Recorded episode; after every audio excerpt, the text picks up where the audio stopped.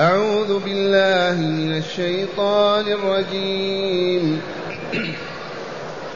وعباد الرحمن الذين يمشون على الأرض هونا وإذا خاطبهم الجاهلون وإذا خاطبهم الجاهلون قالوا سلاما. والذين يبيتون لربهم سجدا وقياما والذين يقولون ربنا اصرف عنا عذاب جهنم إن عذابها كان غراما إنها ساءت مستقرا ومقاما والذين إذا أنفقوا لم يسرفوا ولم يقتروا وكان بين ذلك قواما والذين لا يدعون مع الله إلها آخر ولا يقتلون النفس ولا يقتلون النفس التي حرم الله إلا بالحق ولا يزنون. ومن يفعل ذلك يلقى أثاما. يضاعف له العذاب يوم القيامة ويخلد فيه مهانا. إلا من تاب وآمن وعمل عملا صالحا فأولئك فأولئك يبدل الله سيئاتهم حسنات وكان الله غفورا رحيما.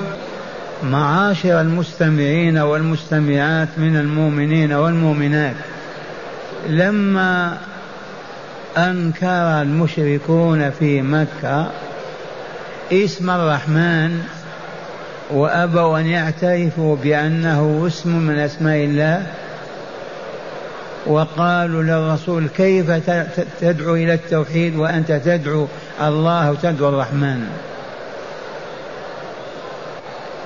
اذا فأنزل الله تعالى هذه الآيات ليعرفهم بالرحمن من طريق عباده. أنتم تنكرون الرحمن تعالوا تشاهدون عباده وتعرفون أنه الرحمن فقال عز من قائل وعباد الرحمن والعباد جمع عبد وفي هذه النسبة شرف عالي وعظيم. كقوله تعالى سبحان الذي أسرى بعبده فكذلك عباد الرحمن الذين صفت نفوسهم وزكت أرواحهم وطهرت قلوبهم وأصبحوا يعبدون الله عز وجل بما شرع لهم هؤلاء حقا ينسبون إلى الرحمن ويقال عباد الرحمن. هيا نستعرض هذه الآيات وننظر هل نحن منهم أو هذا خاص بالصحابة؟ والجواب هذا عام. فقد وصفهم الله بثمان صفات. من وجدت هذه الصفات فيه فهو من عباد الرحمن. ومن نقصت منه صفة فليعوضها وليعجل. وإن كنا الليلة ندرس خمس صفات فقط. والباقي غدا إن شاء الله. الصفة الأولى الذين يمشون على الأرض هونا. لا يتعنترون ويضربون الأرض بأرجلهم ويجرون ثيابهم في غطرسة وعلو. عباد الرحمن يمشون على الأرض باللين والهون لا بالعنف والشدة والغطرسة والقوة.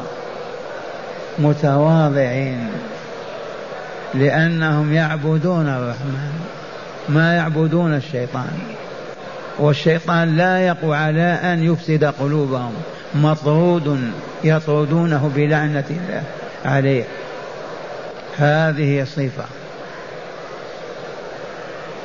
الذين يمشون على الأرض لما يمشون مشيتهم هينة لينة ما فيها عنف ولا غلظة ولا شدة كما يحدث للمتكبرين والمتجبرين.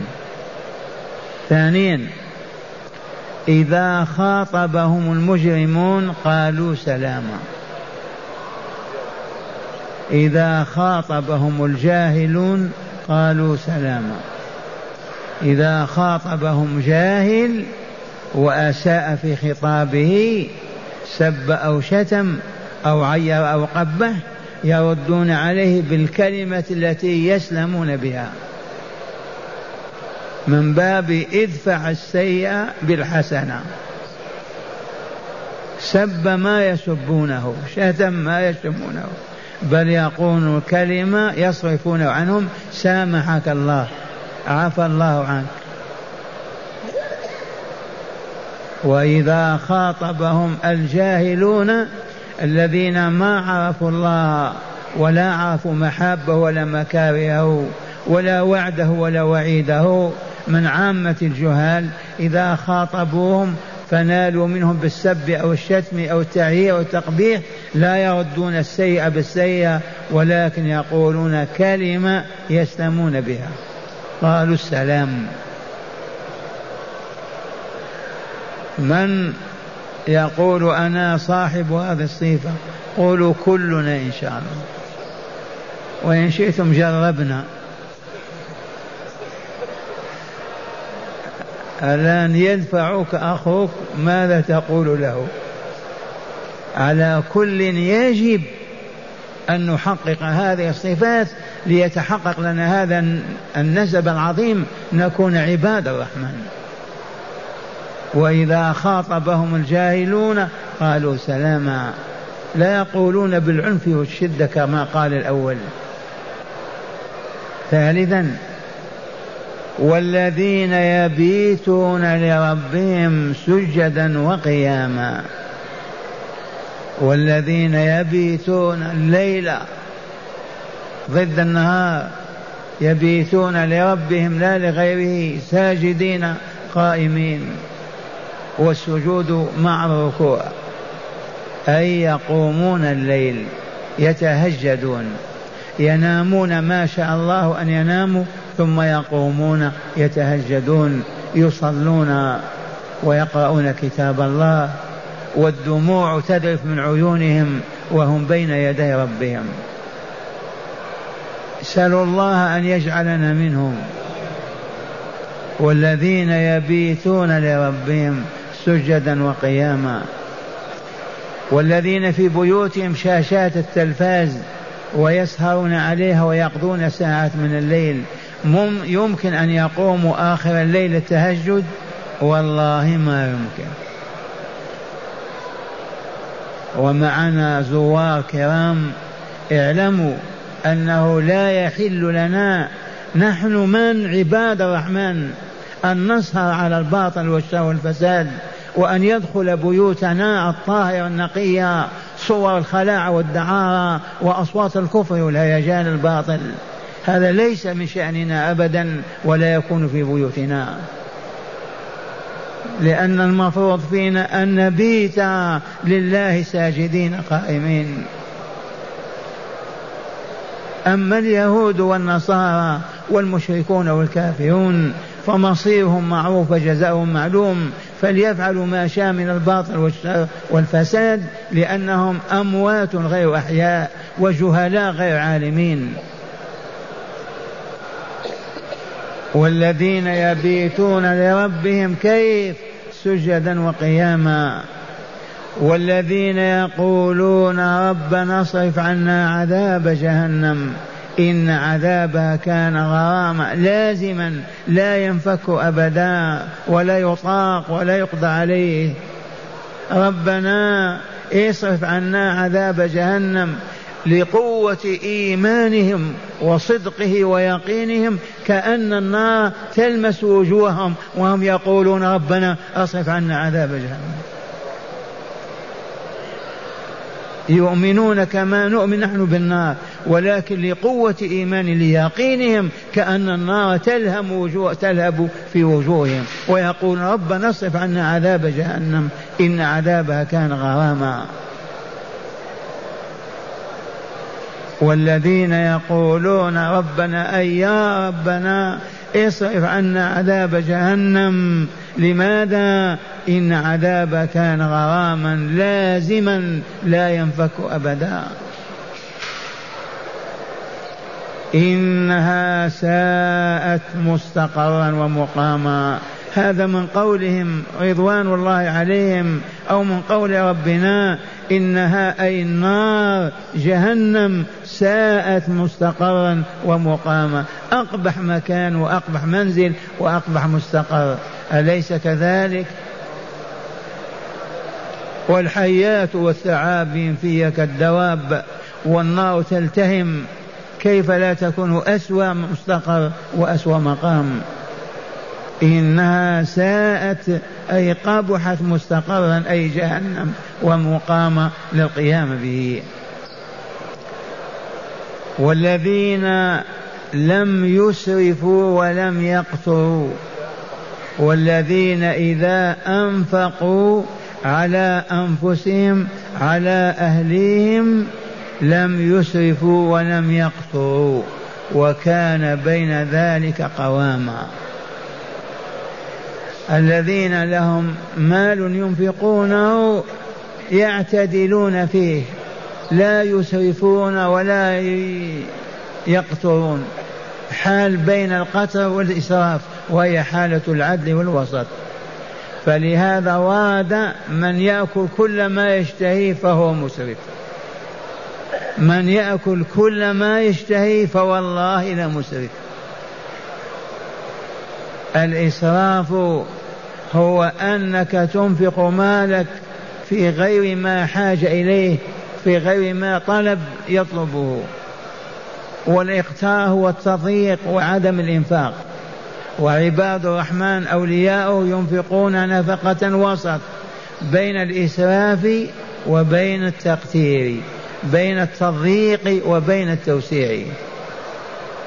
ولطيفة هنا هي أن عبد الملك بن مروان أيام كان خليفة للمسلمين زار ابنته عند بنت عند ابن أخيه عمر بن عبد العزيز فسألها كيف كيف كيف نفقتكم؟ أنتم في خير ولا في ضيق؟ فقالت له الحسن بين السيئتين. هذه فاطمة. الحسنة بين السيئتين. ما معنى الحسنة بين السيئتين؟ لا إسراف ولا تقتير ولكن وسط لا إسراف وهو الإنفاق فيما لا حاجة إليه ولا منع وتضييق فيما حاجة فيما أنتم في حاجة إليه. هذه الصفة من أبدع الصفات وأجلها. والذين إذا أنفقوا لم يسرفوا في إنفاقهم ولم يقتروا فيه. لا يضيقون ولا يوسعون ولكن وسط فالذي راتبه ألف ريال كيف ينفق من راتبه ألفين ريال؟ أسرف ينفق بحسب ما عنده ولا يقتر ويمنع نفقة أهله ونفسه. والذين إذا أنفقوا لم يسرفوا ولم يقتروا وكان بين ذلك الإنفاق قواما وسطا واعتدالا. لعلي ما أفصحت. أولا الذي يسد الحاجة من الطعام أو الشراب أو اللباس هذا ضروري. والزايد على ذلك إسراف. مثلا أنت في حاجة إلى مركوب. عندك فرس. لماذا تشتري فرس ثاني وتربط أمام بابك فرسين؟ سيارة. سيارتك عند الباب تريد أن تضيف أخرى ليقال عنده سيارة فاخرة أو كذا. إسراف وهو في الطعام والشراب واللباس والسكن أيضا.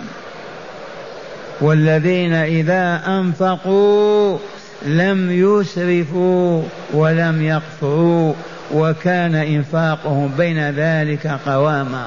أي اعتدالا ووسطا. قولوا إن شاء الله منهم.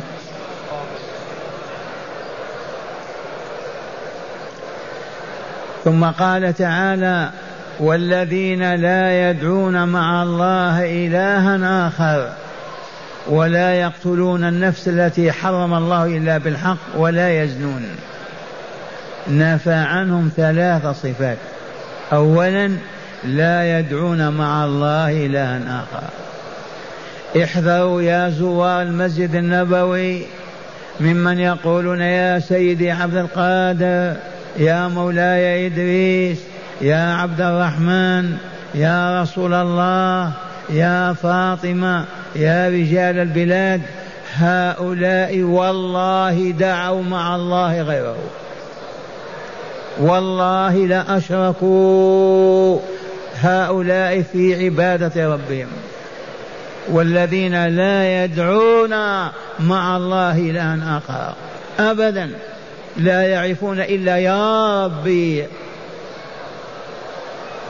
أما يا سيدي فلان يا فلان وفلان من نداءات للصالحين الأموات فهذا والله لا شرك حرام. ولا ينبغي للمؤمن أن يقولها أو يقف عنده. بلغوا إخوانكم. والذين لا يدعون معنى يدعون يطلبون وإلا لا لا يدعون مع الله إلها آخر بل المعبود الحق والمدعو والله. هذه اولا. ثانيا لا يقتلون النفس التي حرم الله قتلها وهي كل نفس يهودي كان أو نصراني مجوسي أو مشركة اللهم إلا الكافر في ساعة الحرب. الكافر المحارب يقتل إذا مسالم بلا حرب لا يجوز قتله ابدا. ولا يقتلون النفس التي حرم الله. ما هي النفس التي حرم الله؟ كل نفس. إلا من كان كافرا ونحن معه في حرب. فيقتل لأنه في الحرب أما في حال السلم أو المعاهدات أو عدم الاعتداء ما يجوز قتله. والرسول الكريم صلى الله عليه وسلم علمنا فقال لا يحل دم امرئ مسلم إلا بإحدى ثلاث الثيب الزاني والنفس بالنفس والتارك لدينه المفارق للجماعة لا يحل دم امرئ مسلم إلا بواحدة من ثلاث خصال الأولى النفس بالنفس من قتل يقتل. إذا قتل المسلم مسلما يقتل وإلا لا؟ يقتل. النفس بالنفس. هذا قتل أباك أو قتل أخاك تطالب الحكومة بأن تقتله. مقابل القتل الذي قتل. الثيب الزاني من زنى وهو ثيب أي عرف النكاح ما هو وتزوج وطلق أو معه امرأته هذا هو الثيب إذا زنى يقتل. ويقتل رميا بالحجارة وهو الرجم. هذا الذي يتزوج ويعرف معنى الزواج ما هو والنكاح ما هو. ثم بعد ذلك يفجر يزني جزاؤه القتل. وهو مسلم وأباح الله دمه يقتل. هذا الثيب الزاني. أما البكر الذي ما تزوج ما عرف الزواج ما زال في أول عمره كالخامس عشر أو العشرين ما تزوج. ثم زنى فهذا يجلد أغلظ الجلد مئة جلدة على ظهره. لكن لا يقتل. الذي يقتل هو الثيب الذي سبق أن تزوج. سواء طلق ماتت زوجته في بيته زوجته كل هذا واحد. ما دام عرف الجماع ما هو ثم يرتكبه بعد ذلك هذا يرجم ويقتل بالرجم. أما المحصن ما عرف ما هو هذه الفاحشة السيء البكر. فيعفى عنه ولكن يجلد مئة جلدة ويغرب عام كامل. سنة كاملة ينفونه من القرية.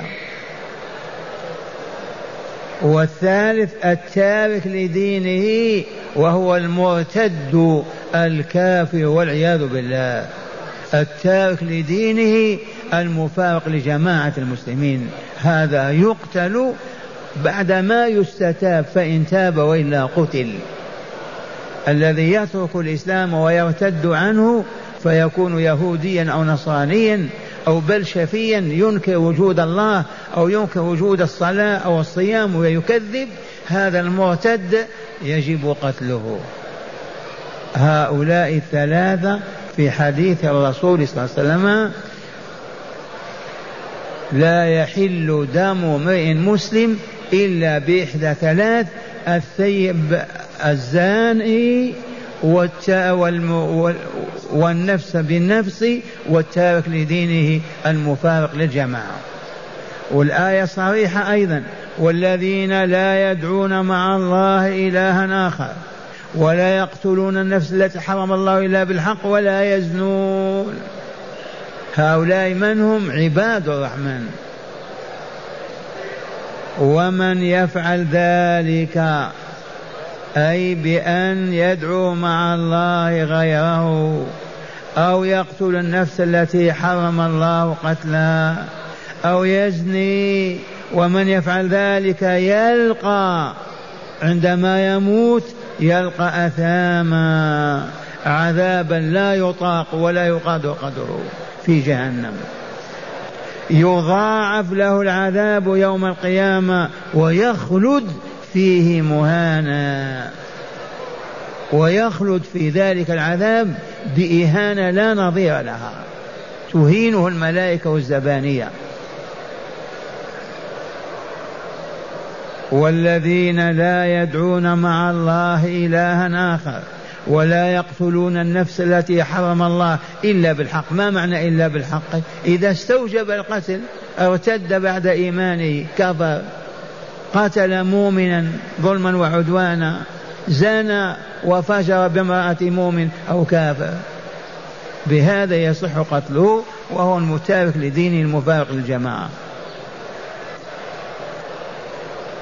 ومن يفعل ذلك الذي سمعتم يلقى أمامه عذابا يقال له الآثام في جهنم من أشد أنواع العذاب.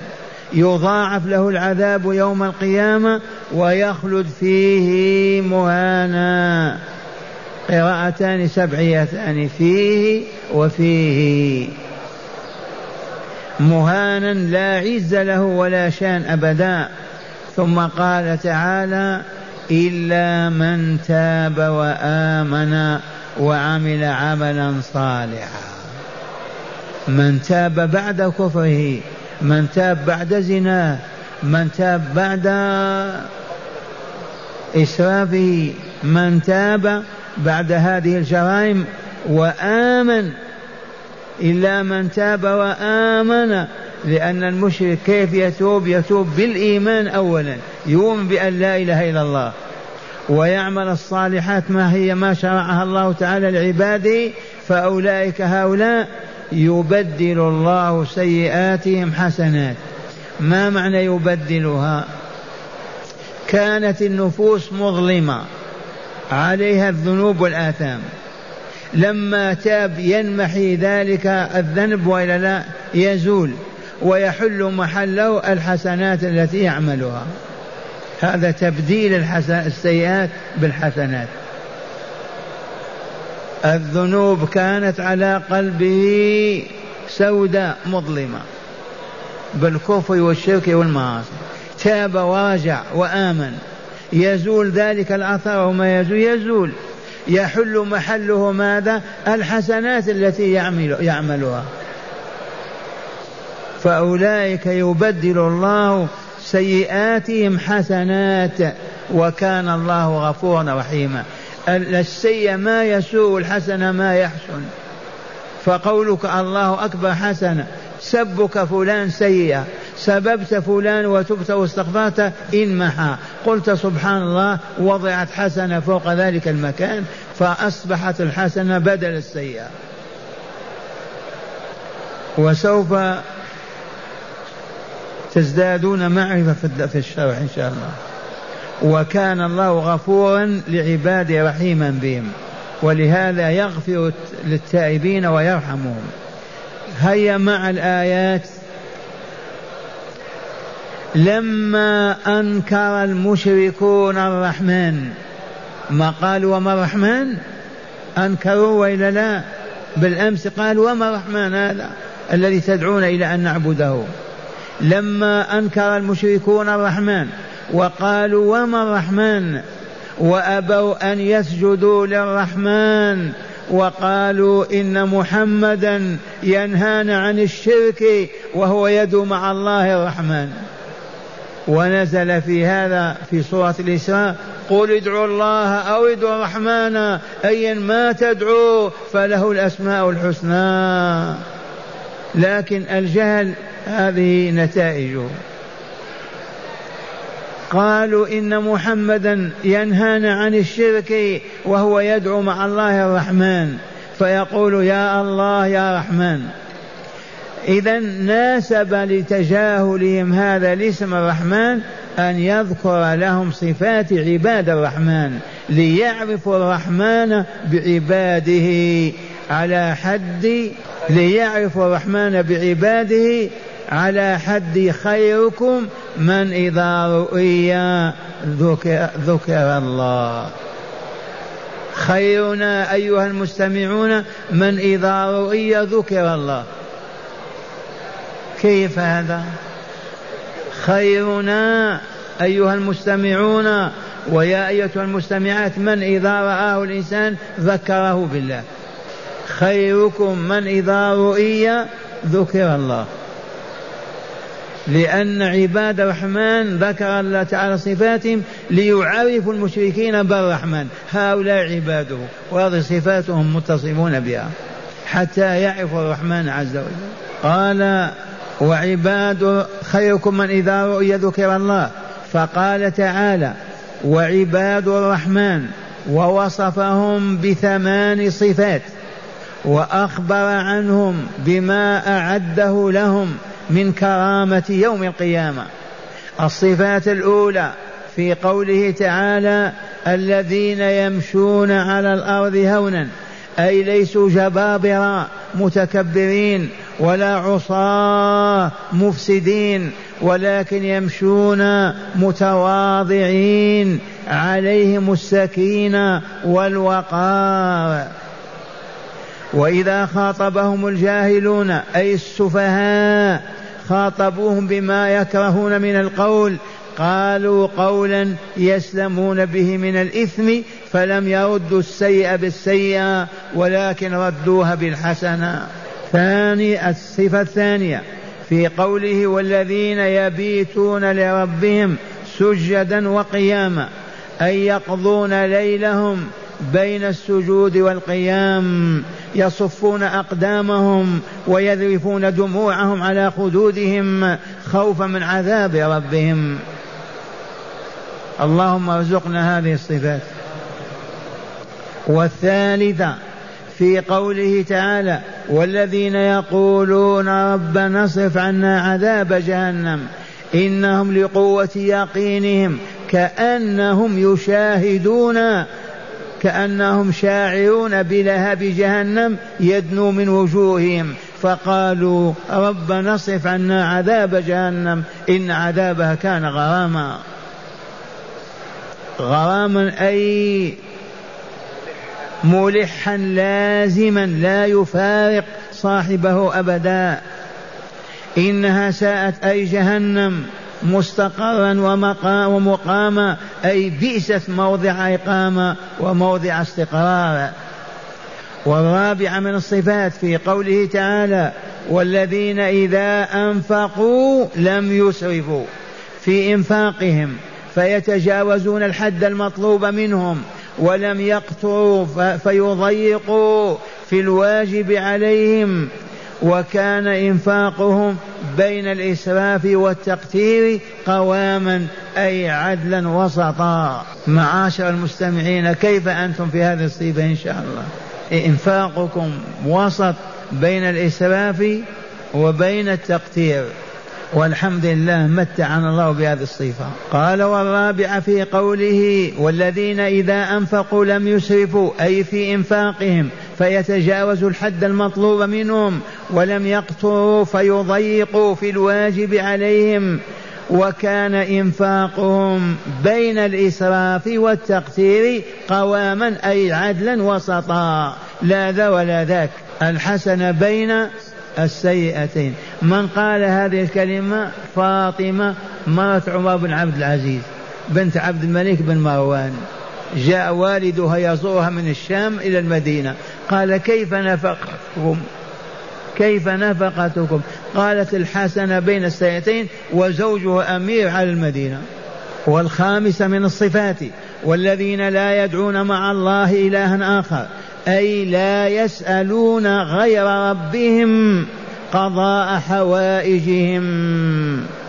لا يسألون غير ربهم قضاء حوائجهم. كما لا يشركون بعبادة ربهم أحدا. ولا يقتلون النفس التي حرم الله قتلها. وهي كل نفس آدمية. ما عدا نفس الكافر المحارب فإنها صاحبة القتل غير غير غير محرمة. فإنها مباحة القتل غير محرمة. إلا بالحق وهو واحد من ثلاثة. إلا بالحق وهو واحد من ثلاثة خصال. بينها الرسول صلى الله عليه وسلم في حديث الصحيحين.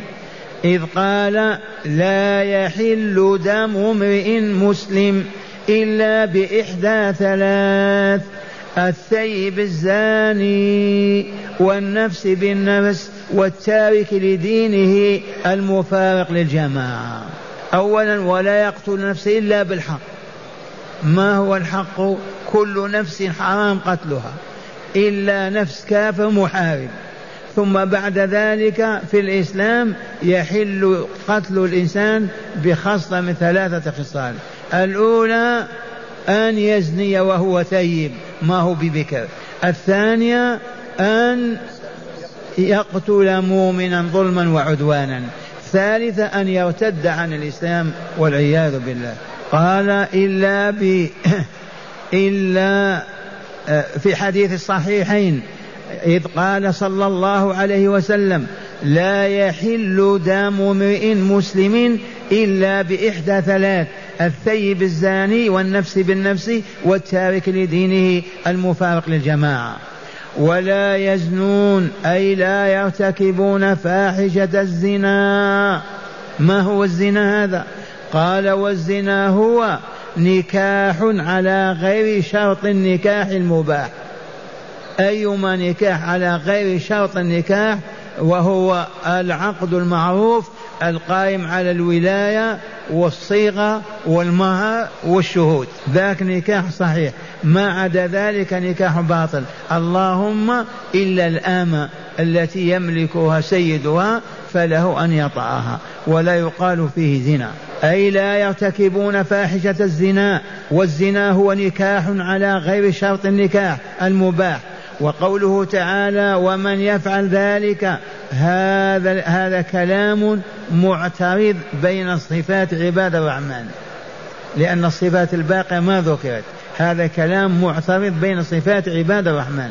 أي ومن يفعل ذلك المذكور من الشرك بدعاء غير ربي أو قتل النفس بغير حق أو زنا يلقى أثاما أي عقابا يضاعف له العذاب يوم القيامة ويخلد فيه مهانا أي في ذلك العذاب.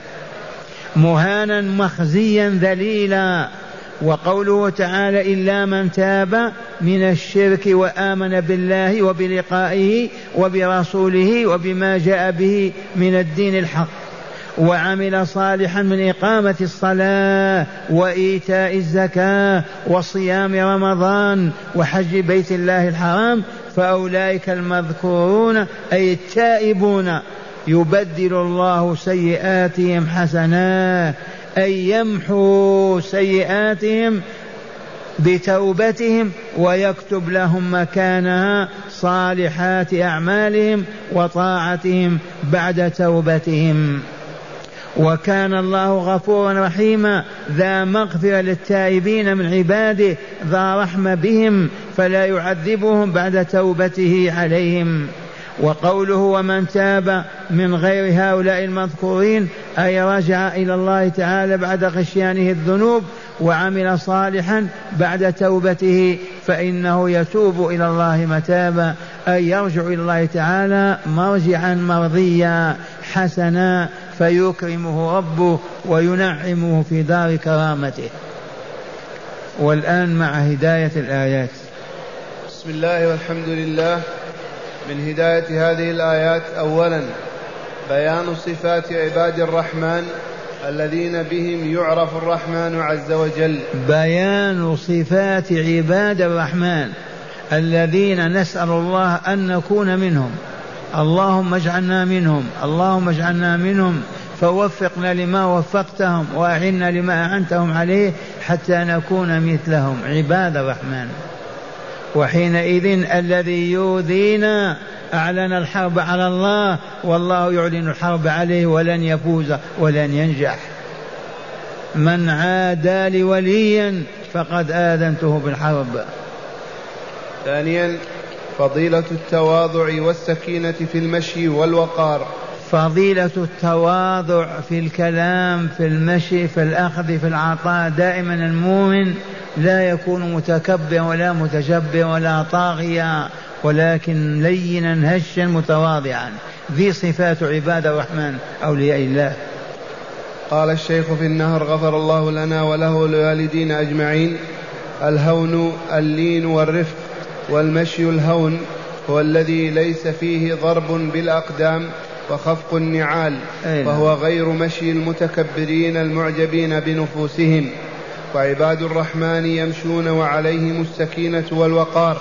وفي الحديث أيها الناس عليكم بالسكينة فإن البر ليس بالإيضاع وهو السير مثل الخبب الله أكبر. إن الرسول صلى الله عليه وسلم كان إذا زال زال تقلعا ويخطو تكفؤا ويمشي وهو ويمشي هونا ذريع المشية كأنما ينحط من صبب قيل نعم هو كما وصف فالتقلع معناه رفع الرجل بقوة حتى لا يمشي مشية المتمسكن الذليل. إيه. والذريع هو الواسع الخطى ومعناه أنه كان يرفع رجله بسرعة ويوسع خطاه كأنما ينحط من صبب فأين هذا الهون المحمدي؟ في المشي من الاختيال والتمايل إعجابا, إعجابا بالنفس وضرب الأرض كأنما يريد أن يخرقها بنعله. والعياذ الله تعالى قال ولا تمش في الأرض مرحا. والمرح هو مشي الخيلاء والفخر. وقال إنك لن تخرق الأرض ولن تبلغ الجبال إياها برجليك بشدة ولن تبلغ الجبال طول القضية لنعلم أن الذي حرمه الله هو الكبر والإعجاب بالنفس ويتجلى ذلك في في جسم المتكبر. إذا مشى كما قدمنا يضرب الأرض برجله تكبرا يضربها بنعله يجر ثيابه وراءه إعلان عن التكبر. أما الرسول صلى الله عليه وسلم كان يرفع رجله ويضعها على الأرض لكن ليس معناه أنه يتكبر بذلك. وكان يسع في مشيته وكان يحذر من المسكن والذلة. فالمؤمن ما يصبح مسكينا منكسرا ذليلا. حال وسط لا متكبر ولا متمسكن متذلل. والرسول حياته فسرت هذا مشيته بين هذا. التكبر وتجبر إنك لن تبلغ الجيب لن لن تخرق الأرض لما تضربها برجليك. تخرقها لما تعلو تصل إلى الجبال ولن تبلغ الجبال طولا. اذا توسط في مشيتك لا تكن مسكينا ذليلا منكسرا وأنت المؤمن ولي الله ولا تكن متجبرا طاغيا. حال وسط. عسى المستمعون فهموا هذه. نهينا عن التكبر ولا لا والتعالي والتجبر. نهينا أيضا عن الذلة والانكسار والمسكنة ونحن أولياء الله وعباده. لا هذا ولا ذاك. نعم. ثالثا فضيلة رد السيئة بالحسنة والقول السليم مع من الإثم. فضيلة رد السيئة بالحسنة. نظر قال؟ يا كذا رفع صوته فيك قل سامحك الله؟ وقد رأينا في هذا المسجد منذ أربعين سنة رجال الهيئة. نعجب لحالهم. لما تفعل شيئا كذا وتقول على صوت سامحك الله؟ عفى الله عنك لما فعلت كذا. الشاهد عندنا من صفاتنا نحن عباد الرحمن أننا ما ندفع السيئة بأخرى سيئة. سب بسب شتم بشتم لطمة بلطمة لا. ولكن بكلمة أحسن من تلك اللطمة وتلك الشتمة هذه صفات عباد الرحمن. لا يدفعون السيئة بسيئة مثلها لأنهم أولياء الله وعالمون بالله. الجاهلون يتخبطون يسبه يسب أمه وأباه. نعم. رابعا فضيلة قيام الليل والخوف من عذاب النار. قيام الليل يا معاشر المستمعين والآن عندكم ساعات دقاقة. موجودة ولا لا؟ خلي ساعتك تقوم ساعة قبل الفجر. هذه الساعة طول العام تكفيك قيام الليل. سدس الليل. ساعة سدس كذا وإلا؟ إذا تقوم تتوضأ وتصلي عشر ركعات وتصلي الشفع لا تصلي ثماني ركعات وتصلي الشفع ركعتين وتوتر بركعة واحدة وهي الوتر. هذا قيام رسول الله صلى الله عليه وسلم. اعمل ساعتك توقظك قبل الفجر بساعة بساعة ربع بساعة ونصف الساعة. فإذا استيقظت توضأت ثم صل ثماني ركعات تقرأ فيها بما فتح الله عليك ثم صل الشفع ركعتين تقرأ في الأولى بسبح اسم ربك الأعلى بعد الفاتحة والثانية بسورة الكافرون بعد الفاتحة. ثم توتر بركعة واحدة وهي الوتر. تقرأ فيها بقل هو الله أحد والمعوذتين. تكون على منهج رسول الله صلى الله عليه وسلم. وتتحقق لك صفات عباد الرحمن. وهذا يساعدنا إن لم ننا إن لم نسأر على التلفاز والصحف والمجلات. قال بعضهم في صفة أولياء في صفة أولياء الله جعلنا الله منهم. آمين. لله قوم أخلصوا في حبه فرضي بهم واختصهم خداما.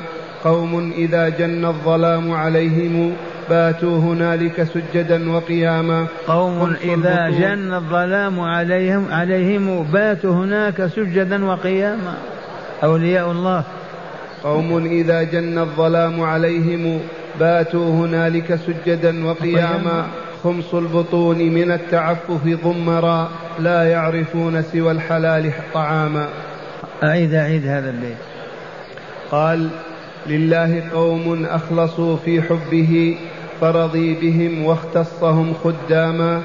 قوم إذا جن الظلام عليهم باتوا هنالك سجدا وقياما. خمس البطون من خمس البطون. ما يشبعون أبدا. بطونهم دائما من جائعة خمس البطون. صدور بطونهم إلى صدورهم. ما هي منتفقة بالطعام. خصم البطون خمس البطون, التعفف ضمرا. لا يعرفون سوى الحلال طعاما. لا يعرفون سوى الحلال طعاما. وهل نحن ناكل حرام؟ لا أبدا. يا عباد الرحمن ما ناكل حرام أبدا. ولو جعنا ما ناكل ما حرم الله. اقرأ. خامسا فضيلة الاعتدال والقصد في النفقة وهي الحسنة بين بين السيئتين. الاعتدال في النفقة كما علمتم الحسنة بين السيئتين. إن وسع الله عليك وسع على أهلك بما وسع ضيق ضيق ولكن العدل العدل. لا إسراف لا في الطعام ولا في الشراب ولا في اللباس ولا في المركوب ولا في السكن ولا الاعتدال هو المطلوب. عباد الرحمن هذه صفاتهم. إذا أنفقوا لم يسرفوا ولم يقتروا وكان بين ذلك قواما. سادسا حرمة الشرك وقتل النفس والزنا وأنها أمهات الكبائر. هذه التي سمعتم والتي قال فيها الرسول الكريم صلى الله عليه وسلم لا يحل دم امرئ مسلم إلا بواحدة من ثلاث إلا بإحدى ثلاث. الأولى النفس بالنفس الثيب الزاني. عرفتم الثيب الزاني من هو؟ الرجل الذي تزوج وعرف النكاح ما هو ثم طلق مرته أو بقيت عنده ثم زنى. فجر بامرأة. هذا هو الثيب الزاني. أما البكر الذي ما عرف الزواج بعد أبدا وسلطه الشيطان وتسلط عليه وزنا هذا لا يقتل بزنا ولكن يجلد مئة جلدة ويغرب من البلد سنة كاملة. الزانية والزاني فاجلدوا كل واحد منهم مئة جلدة. الآية من سورة النور. أما الثيب الذي عرف النكاح ما هو وتزوج إذا فجر بامرأة مؤمن أو كافرة يقتل رجما بالحجارة. روى مسلم أن عبد الله بن مسعود رضي الله عنه قال قلت يا رسول الله أي الذنب أكبر عند الله؟ قال أن تجعل لله ندا وهو خلقك. قال ثم أي؟ قال أن تقتل ولدك مخافة أن يطعم معك. قال ثم أي؟ قال أن تزاني حليلة جارك نعم. فأنزل الله تصديقها الذين لا يدعون مع الله إلها نعم. آخر إلى ولا يقتلون ولا يقتلون. نعم. سابعا التوبة تجب ما قبلها التوبة تقطع ما قبل. تجب بمعنى تقطع. جب الشيء قطعه. التوبة تجب ما قبلها. التوبة تجب ما قبلها. والندب إلى التوبة وأنها مقبولة ما لم يغرغر. التوبة مقبولة ما لم تصل الروح عند الموت إلى الحنجرة. فإذا غرغر بطلت التوبة. لو تاب الله لا تقبل له توبة. قبل أن تصل روحه إلى حنجرته مهما ما تاب كيفما كان الذنب شركا كفرا زنا كان يتوب الله عليه ويقبل توبته. التوبة تقطع ما قبلها. لكن التوبة إذا مرض الإنسان وأخذت الروح تنسلخ من جسمه ووصلت إلى حلقه ما تنفعه التوبة. واقرأوا لذلك قول الله تعالى إنما التوبة على الله للذين يعملون السوء بجهالة ثم يتوبون من قريب فأولئك يتوب الله عليهم وكان الله عليما حكيما. وليست التوبة للذين يعملون السيئات حتى إذا حضر أحدهم الموت قال إني تبت الآن. لا توبة تقبل. وأخيرا قال الرسول صلى الله عليه وسلم في الحديث الصحيح اتق الله حيثما كنت. وأتبع السيئة الحسنة تمحها وخالق الناس بخلق حسن والشاهد إن الحسنات يذهبن السيئات. الله أكبر. معاشر المستمعين هيا نجاهد أنفسنا حتى نتصف بصفات عباد الرحمن ونصبح منهم إن شاء الله.